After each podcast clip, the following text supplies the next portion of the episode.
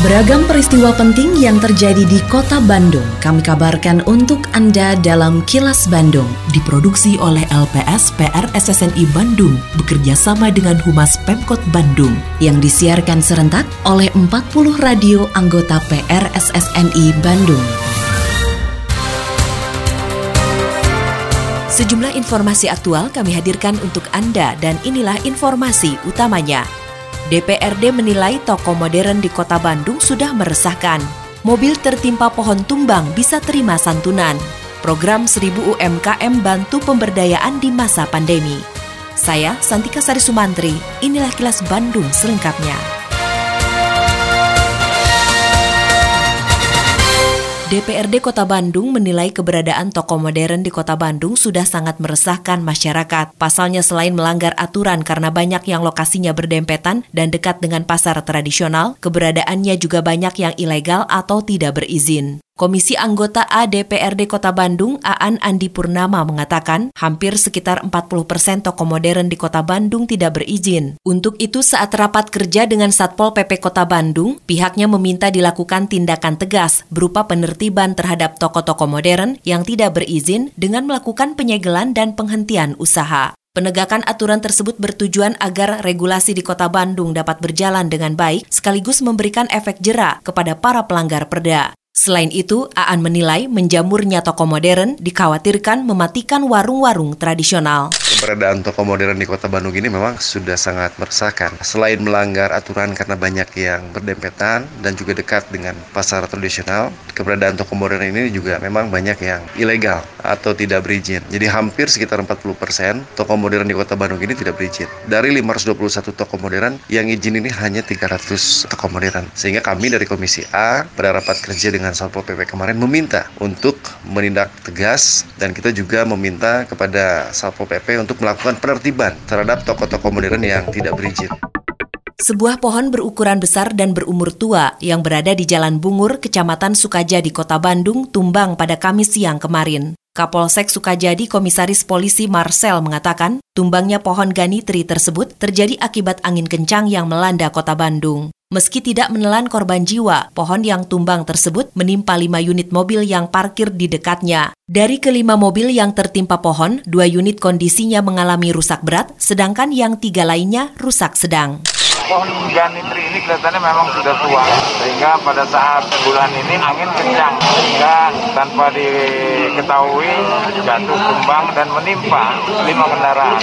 Dua agak berat yang tiga tidak terlalu berat Kendaraan yang rusak akibat insiden pohon tumbang di kota Bandung akan diberi santunan dengan syarat ada surat keterangan dari kepolisian. Kepala UPT Penghijauan pada Dinas Perumahan dan Kawasan Permukiman, Pertanahan dan Pertamanan atau DPKP 3 Kota Bandung, Roslina mengatakan, santunan akan diberikan berdasarkan penilaian pihak asuransi dan kendaraan parkir di tempat yang semestinya. Pemilik mobil yang rusak bisa mengajukan ke DPKP 3 Bandung untuk menerima santunan yang besaran nominalnya maksimal 20 juta rupiah. Roslina mengatakan untuk mengantisipasi kejadian pohon tumbang, pihaknya setiap hari selalu melakukan pengecekan dan pemeliharaan. Namun akar pohon ganitri yang tumbang tersebut memang sudah kropos, sehingga tidak bisa menahan beban berat saat angin menerpanya. Ya minimal ada surat keterangan dari kepolisian aja, diajukan ke dinas DPKP 3. Ya ajukan aja, nanti mungkin ada tam, ada santunan atau gimana, mungkin kita nggak nggak mungkin nggak besar atau gimana gitu. Kalau untuk kendaraan maksimal di 20 jutaan, maksimal ya.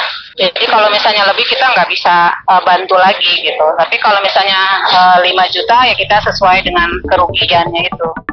Berbagai upaya dilakukan sejumlah lembaga untuk membantu pemulihan ekonomi di masa pandemi, seperti halnya yang dilakukan Wakaf Salman untuk memberdayakan pelaku usaha mikro kecil dan menengah atau UMKM melalui program 1000 UMKM. Direktur Wakaf Salman Kirzan Nukman mengatakan, program 1000 UMKM merupakan program kerjasama antara Wakaf Salman dan UMKM Indonesia yang sekaligus melancarkan upaya pemberdayaan UMKM mulai dari pengadaan modal, pengembangan sumber daya manusia, sampai ekspansi usaha. Wakaf Salman juga terus mencari UMKM yang potensial untuk dikembangkan dengan syarat sudah memiliki target pasar, tersusun manajemennya, sudah cukup lama dalam berwirausaha, dan sangat butuh untuk dikembangkan dengan baik. Kenapa kita targetkan seribu? Karena wakaf itu berkesinambungan dan juga memang panjang gitu ya. Dan kita seribu, saya punya targetnya memang ya minimal setahun ada 100. Itu sudah bagus. Belum nanti franchise-nya gitu ya. Tapi yang paling penting adalah teman-teman UMKM ini belajar pengembangan dari sisi produk, nanti juga dari sisi halalan toiban tadi gitu ya kebersihan dan lain sebagainya. Terkait dengan berita sebelumnya, Tiga pelaku usaha mikro kecil menengah atau UMKM lokal yang bergerak di sekitar kuliner secara resmi mendapat dukungan pemberdayaan dari Wakaf Salman. Salah satu penerima bantuan Ivan Fakrureza selaku owner Acep Express mengaku ada banyak manfaat yang bisa diterapkan setelah bergabung dengan Wakaf Salman, di antaranya mengenai kehalalan sebuah produk. Menurut Ivan, dengan bergabung bersama Wakaf Salman, pihaknya juga dibantu melihat target pasar, mengolah manajemen hingga pengadaan modal. Dengan pendampingan gitu yang pengembangan bisnis ke depan akan seperti apa, ini dibuka cabang lagi termasuk kehalalan gitu. Kita dibina, kita tahu produk yang halal seperti apa, terus sistem operasional yang halalnya seperti apa, sampai mungkin sistem dapur gitu ya, tadi peralatannya harus gimana gitu. Makanya insya Allah ini bisa jadi percontohan gitu. Kini, audio podcast siaran Kilas Bandung dan berbagai informasi menarik lainnya bisa Anda akses di laman kilasbandungnews.com.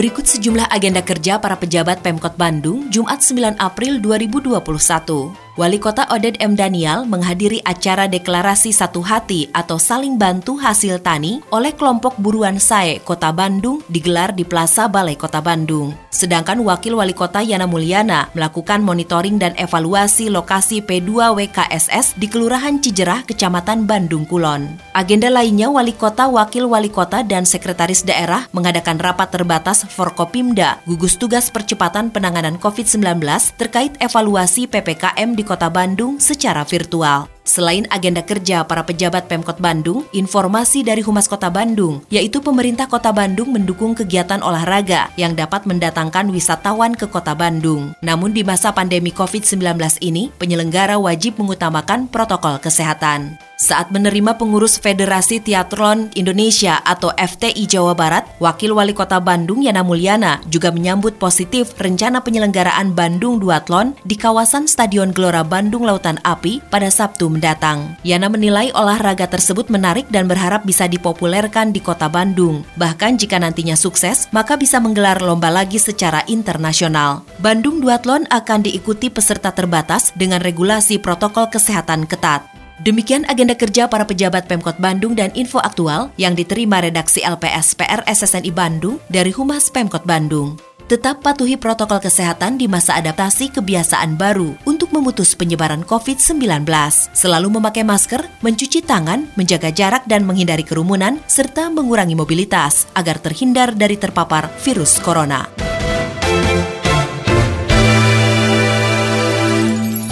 Terima kasih Anda telah menyimak Kilas Bandung bekerja sama dengan Humas Pemerintah Kota Bandung yang diproduksi oleh LPSPR SSNI Bandung.